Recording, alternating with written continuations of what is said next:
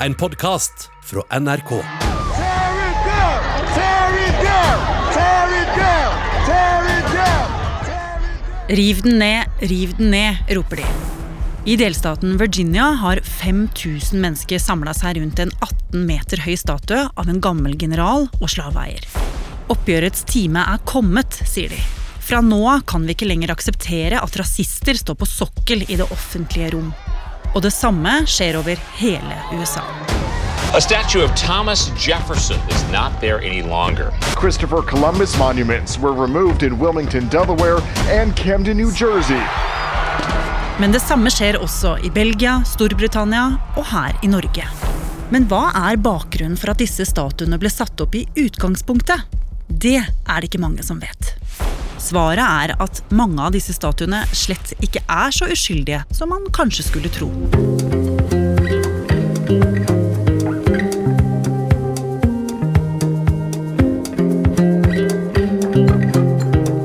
Du hører på Oppdatert. Jeg heter Ragna Nordenborg. Det som skjer i USA nå, det er noe som veldig mange mennesker har ventet på i veldig lang tid. Disse statuene viser jo menn som kjempet for at man skulle kunne eie slaver. Og for mange representerer de undertrykkelse og misbruk av svarte mennesker. Og tanken på at de fremdeles skal få stå på sokkel, er helt motbydelig for mange amerikanere i 2020. Ida Teresa Myklebost er journalist i NRK, og hun har bodd i USA i flere år. Og så er hun produsent her i Oppdatert. For eksempel så er denne statuen som vi hører at det demonstreres mot her, den er til ære for sørstatsgeneralen Robert E. Lee, en av mennene som kjempet for at man skulle kunne eie andre mennesker som slaver. Ok, en mann som kjemper for å eie andre mennesker. Hvordan er det mulig at han blir hedret med en statue? Ja, Det er jo et veldig godt spørsmål. Eh, Og for å forstå det, så må vi helt tilbake til 1619, når det aller første slaveskipet legger til kai i USA, i Virginia. Dette skipet heter White Lion, og det kommer frem en eh, sommerdag i august. Om bord på skipet er det 20 menn, kvinner og barn som kommer fra landet som i dag heter Angola. Og idet de setter sine føtter på amerikansk jord, starter 246 år med slavehandel i USA. Og etter hvert blir så mange som 400 000 mennesker kidnappet fra Afrika over Atlanterhavet og solgt til eh, plantasjeeiere som slaver, som sender dem ut på, på jordene eh, for å jobbe med bomull og, og sukker i sørstatene. Men etter hvert blir det ulovlig å importere flere slaver til USA i 1808. Men det som ikke er ulovlig, det er å beholde, fortsette å eie de slavene man allerede eier. Så det slaveeierne da gjør, det er å tvinge slavene sine til å reprodusere noe voldsomt for å skape små babyslaver født inn i fangenskap. Og etter hvert så er det altså totalt 4,5 millioner slaver på amerikansk jord. Det er mange. Det er mange, ja. Og mange av de mennene som eide disse slavene, og, og tjente seg søkkrike på dem, og, og som brukte slave, slavekraft, det er nettopp de mennene vi nå ser på disse statuene rundt om i USA, som folk er så sinna på. Sånn som Robert E. Lee. Sånn som Robert E. Lee, ja. Mannen som i dag ruver 18 meter over bakken i parken i Virginia på bronsehest, som en helt. Og han her gikk jo mye lenger enn bare det å eie slaver, som egentlig var ganske vanlig i USA på 1800-tallet. Eh, Robert E. Lee er en av de som gikk til krig mot sitt eget land for å kunne beholde systemet i sør, som i stor grad var basert på slavedrift. Og denne store, blodige borgerkrigen mellom nord- og sørstatene varte fra 1861 til 1865. Og den kom etter at sørstatene faktisk løsrev seg fra unionen i fire år. Og en av de store tingene som de kjempet om, det var nettopp dette, om retten til å kunne eie slaver eller ikke. Og det er jo selvfølgelig i denne tidsperioden at de fleste skulle tro at disse statene ble satt opp. Ikke sant? Under krigen, mens de var helter, mens dette pågikk. Men det er det ikke. Nei. Nei.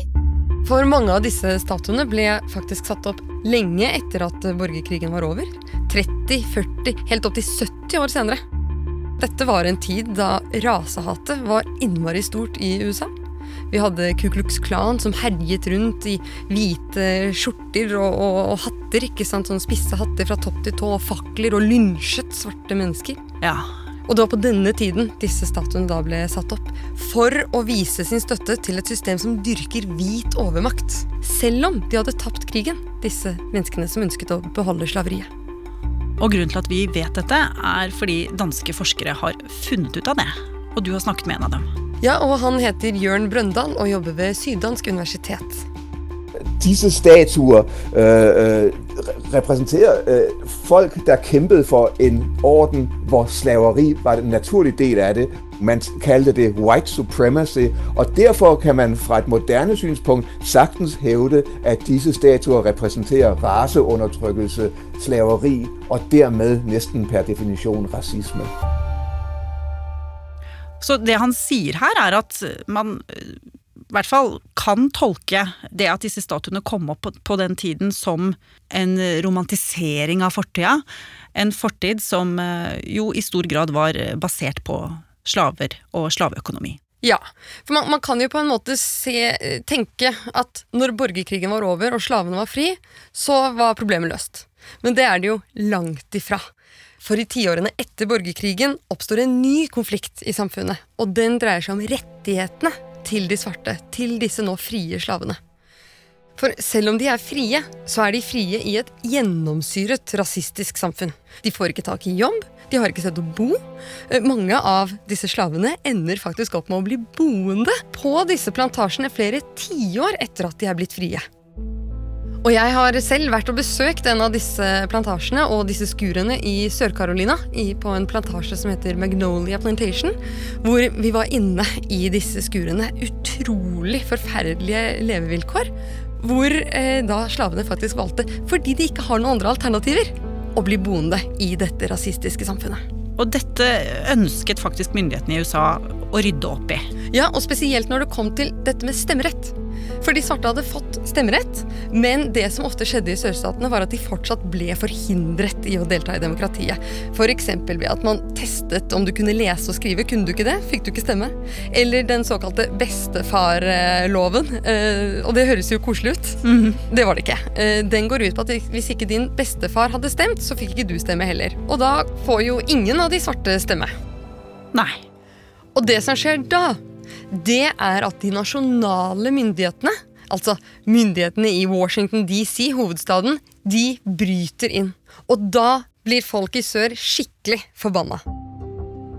For du må huske på at selv om det er en stund etter krigen, så er det fortsatt ikke så lenge siden krigen var. Og i sørstatene er følelsene såre og bitre. Og så kommer da disse nasjonale myndighetene, som jo er sant, nordstatene, da kommer de inn og tuter inn der og skal nå begynne å fortelle dem hvordan de skal behandle sine tidligere slaver, som de ikke får lov til å ha som slaver lenger. Og da blir disse statuene viktige. Disse symbolene på hva sørstatene var, på, på kampen de, de ledet, på, på uh, ja, også hatet mot nord. Uh, og disse statuene de popper da opp overalt i sørstatene. Langt ute på 1900-tallet. Helt frem til 1936 kommer en av de siste av disse statuene. Og når du nå har lært oss historien om statuene, og vi tenker på alt det som har skjedd i USA siden 1936 Jeg tenker da spesielt på borgerrettighetsbevegelsen på 60-tallet, og senere da i vår tid Black Lives Matter. Hvordan kan det ha seg at disse statuene har blitt stående? Jo, det har også disse danske forskerne svar på. dem, der tapte borgerkrigen, altså sydstaterne, og ikke minst den hvide befolkningen i sydstaterne, fikk lov til å skrive historien. Og de gav en forvrænget historie, der handlede om, hvor forfærdelige afroamerikanerne var som frie mennesker, og hvor forfærdeligt det var, da de lige efter borgerkrigen fik stemmeretten. Og hvor man i stedet skrev en romantisk historie om plantager, øh, hvor øh, alle havde det godt. Og jeg mener, uh, Gone with the Wind, den berømte film, handler om det, som om, at uh, disse plantager bare uh, øh, på en eller anden måde repræsenterer en romantisk og sentimental fortid. Og dermed så er der mange amerikanere i dag, der forbinder statuerne med noget romantisk og med en uh, uskyldig fortid, hvor slaveriet pakkes inn i så meget romance, at det nesten fremstår i seg selv uskyldigt. Så det han sier her, er at ved å tåkelegge historien, så framstår ønsket om å ha disse statuene her som mindre rasistiske. Og man dekker kanskje til og med over motivasjonen for hvorfor disse ble satt opp. Og romantiserer. Ja. Men hvorfor kommer dette raseriet plutselig nå? Ja, Det gjør jo egentlig ikke det. Det er mange som har villet ha disse statuene bort i veldig lang tid.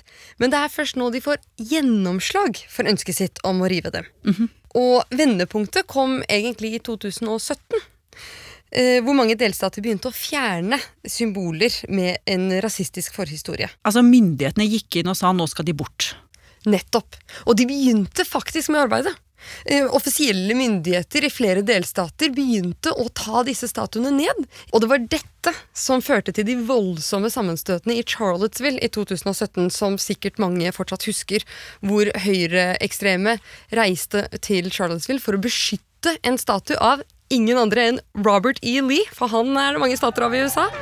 Og der ble de møtt av motdemonstranter, og så eksploderte det.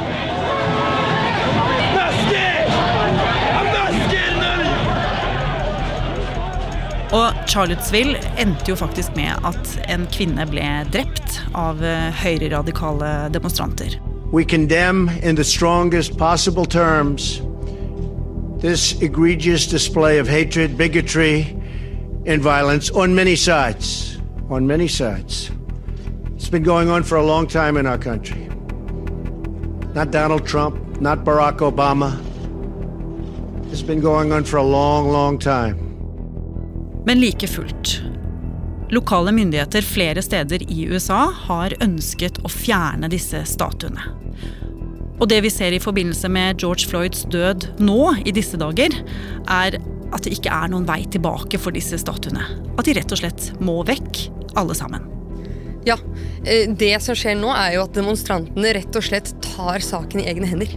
De flyr på statuene, de slår dem med, med hammer i ansiktet, de river dem ned, de kaster dem i elvene. De har fått nok. Nå skal statuene vekk. Og nå har de også begynt å få politisk støtte, bl.a. fra guvernøren i Virginia. Yes, that statue has been there for a long time. But it was wrong then, and it is wrong now. So we're taking it down. We're taking it down. With those words, Virginia Governor Ralph Northam announced that the state would take down the statue of Confederate General Robert E. Lee. The governor said the statue will be removed as soon as possible and will go into storage for the time being. Men det å ha statuer med en kontroversiell fortid, det er jo ikke USA alene om, Ida. Vi ser jo mange steder i Europa nå, og andre steder i verden, at uh, statuer blir revet ned. Ja, I Belgia for eksempel, har det vært enormt høy temperatur eh, rundt eh, en av statuene av tidligere kong Leopold den andre. Han er jo kjent for å være utrolig grusom og brutal mot befolkningen i Kongo. Likevel har det fått stå en statue av ham i Belgia. Eh, nå er den fjernet. I Storbritannia har det vært angrep på statuer av tidligere statsminister og folkehelt, ikke sant, Winston Churchill. Han har fått påskrevet 'Churchill was a racist' på statuen sin. Og den debatten den går også her i Norge, faktisk, for vi har også en statue av eh, Winston Churchill her. Skal den stå, når, når, han, når man vet at han var beryktet for å ha et nedsettende syn på mennesker som ikke var hvite? Men her er det jo forskjeller. Altså, Leopold var eh, det man kan kalle nærmest en eh, sadist. Mens Winston Churchill er jo også kjent for å stoppe nazismen i Europa, eller i hvert fall lede an i kampen mot nazismen. Hva er det folk diskuterer? Finner man fram til noen løsning på hva som skal få bli, og hva som skal ned? Ja, Det er jo det som er det store spørsmålet. Hvor denne grensen skal gå. For det er klart at I USA så er det en veldig spesiell historie som vi har hørt om nå, med klare motiver kanskje til og med ikke så klare rasistiske motiver. Det kan man ikke nødvendigvis si om statuen i Norge. De har blitt satt opp med andre motiver. Så debatten går i Norge òg, men den er veldig annerledes enn den debatten som er i USA. Men det som er sikkert, det er at med drapet på George Floyd, så har vi kommet til et veiskille. Dette har fått så store konsekvenser at nå kan vi ikke snu oss tilbake. Nå blir debattene tatt opp over hele verden omtrent, når det kommer til litteratur, filmer, TV-serier osv. Og, og, og statuer. Og da må alle landene, også vi i Norge, vi må finne ut hvordan skal vi håndtere dette. Hvor går grensene våre? Hva er det som er ok å sette på en pidestall midt i en park, midt i en by? Og hva er ikke ok å sette der?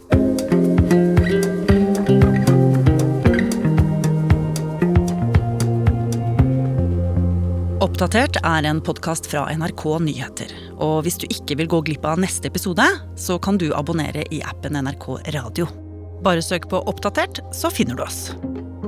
Denne episoden var laget av Ida Teresa Myklebost, Katrine Nybø, Petter Sommer og meg, Ragna Nordenborg. Vil du kontakte oss, gjør det på oppdatert krøllalfa nrk.no.